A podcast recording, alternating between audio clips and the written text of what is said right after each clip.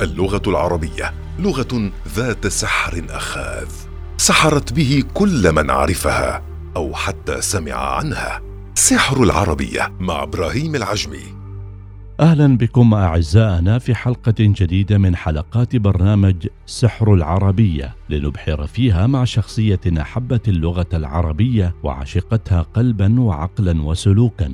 في هذه الحلقة من برنامج سحر العربية مستمعينا نستضيف فيها انتصار بالتعبيد المجانية التي بدأت بتذكر حبها لمعلمة اللغة العربية وشرائها للكتب المتعلقة بالعربية ومشاركتها في الإذاعة. بسم الله الرحمن الرحيم. بداية آه بدأ حبي اللغة العربية. آه عندما كنت في الصف الثالث الابتدائي فقد كنت دائما أحب معلمة اللغة العربية وكنت دائما أهتم بوجودها كثيرا. كنت أشارك بالمدرسة في كل ما يخص باللغة العربية من مسابقات وقصائد ومناقشات بالرغم من صغر سني إلا أنني أثبت بجدارة أن لا شيء يتحكم بالسن بل بالعقل والتفكير. لحقق المستحيل. أتذكر ذات مرة حصل معي موقف.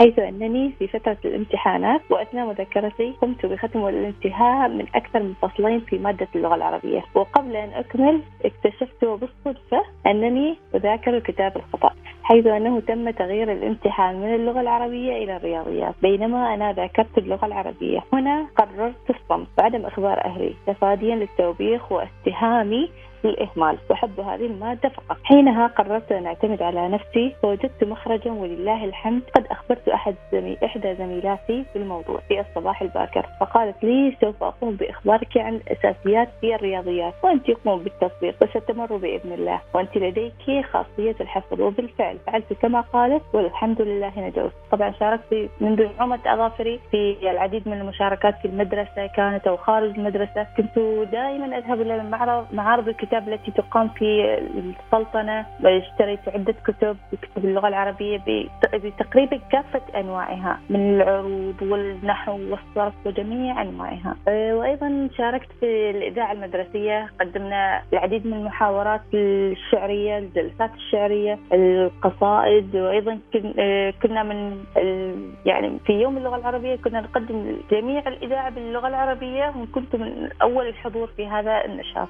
التحاق انتصار بالمعاهد العربية صقل حبها وتعلقها باللغة العربية ووصفت بأنها لغتها الأولى التي أكسبتها سلوكا واخلاقا مرتبطة بالإسلام داعية الأهل أن يضمنوا أن تكون لغة أبنائهم هي الأولى تحدثا وكتابة وسلوكا.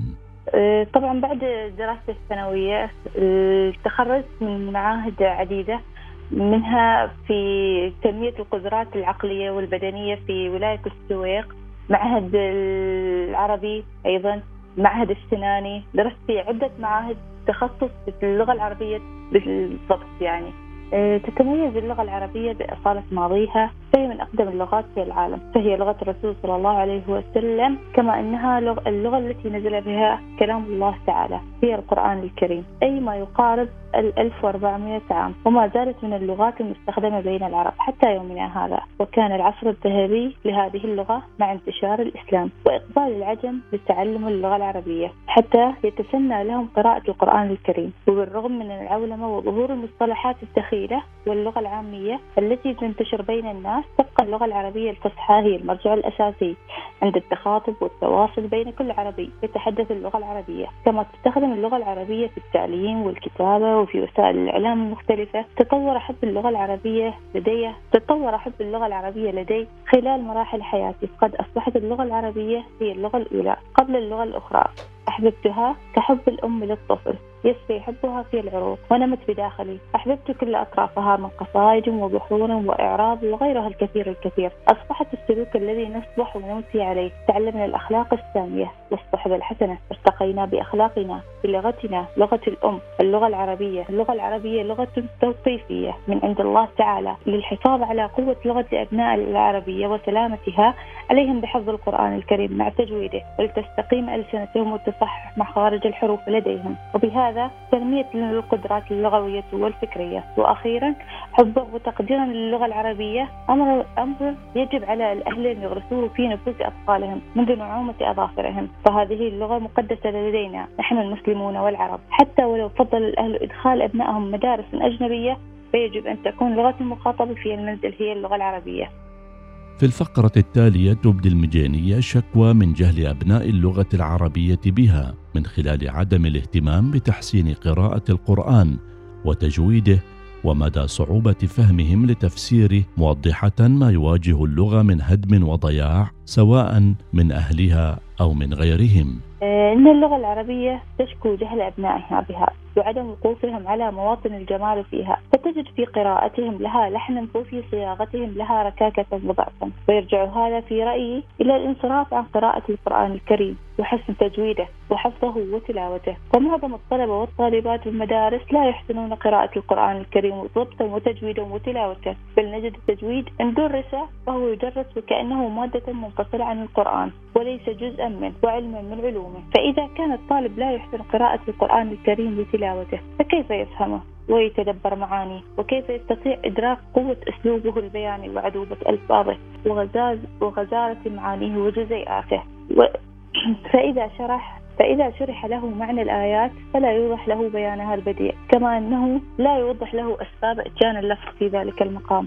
عدا ما يعطى له من آيات في مواد الأدب. إن حسن الأداء من الم... إن حسن الأداء من المقومات اللغة العربية وجمالها. وكلما كان أداء تلك اللغة صحيحا وسليما أقصى عليها جمالا ورونقا يشد انتباه الحاضرين ويأخذ بألباب السامعين ويسهم إسهاما كبيرا في توضيح المعنى والمقصود. مما يؤسف له حقا أن دروس الأدب والنصوص والمطالعة تفتقر إلى العنصر الجمالي المهم إذ لا يعيره أساتذة اللغة والأدب أي اهتمام. والكارثة الكبرى هي ما يواجه لغتنا العربية من تحديات ومحاولات لهدم اللغة العربية لصرفنا عن القرآن الكريم. ومن المؤسف جدا أن نجد أن من أبناء اللغة العربية من يسعى إلى هدمها تحت تحت عباءة حمايتها والحفاظ عليها. مثال على ذلك الباحث الأمريكي الذي الذي قدم بحثا في المؤتمر السادس بجمعية لسان العرب لرعاية اللغة العربية. غير في شكل الحروف العربية وجعلها 33 حرفا بدلا من 28 حرفا. أو تلك الباحثة التي تعمل في الجامعة الأمريكية التي ألغت حركات الضبط واستبدلت بها الأحرف. فالواو بدلته بالضمة والألف بدلته بالفتحة والياء بدلته بالكسرة والنون بدلته بالتنوين. في نهاية حلقتنا من برنامج سحر العربية استضفنا خلالها انتصار بتعبيد المجانية متحدثة عن حياتها مع اللغة العربية كيف بدأت واستمرت وتربعت اهتماماتها في قلبها. مقدمين لها الشكر ولكم أعزائنا المستمعين. على أمل بلقاء جديد في حلقة جديدة. إلى اللقاء. سحر العربية مع إبراهيم العجمي. الوصال. الإذاعة الأولى.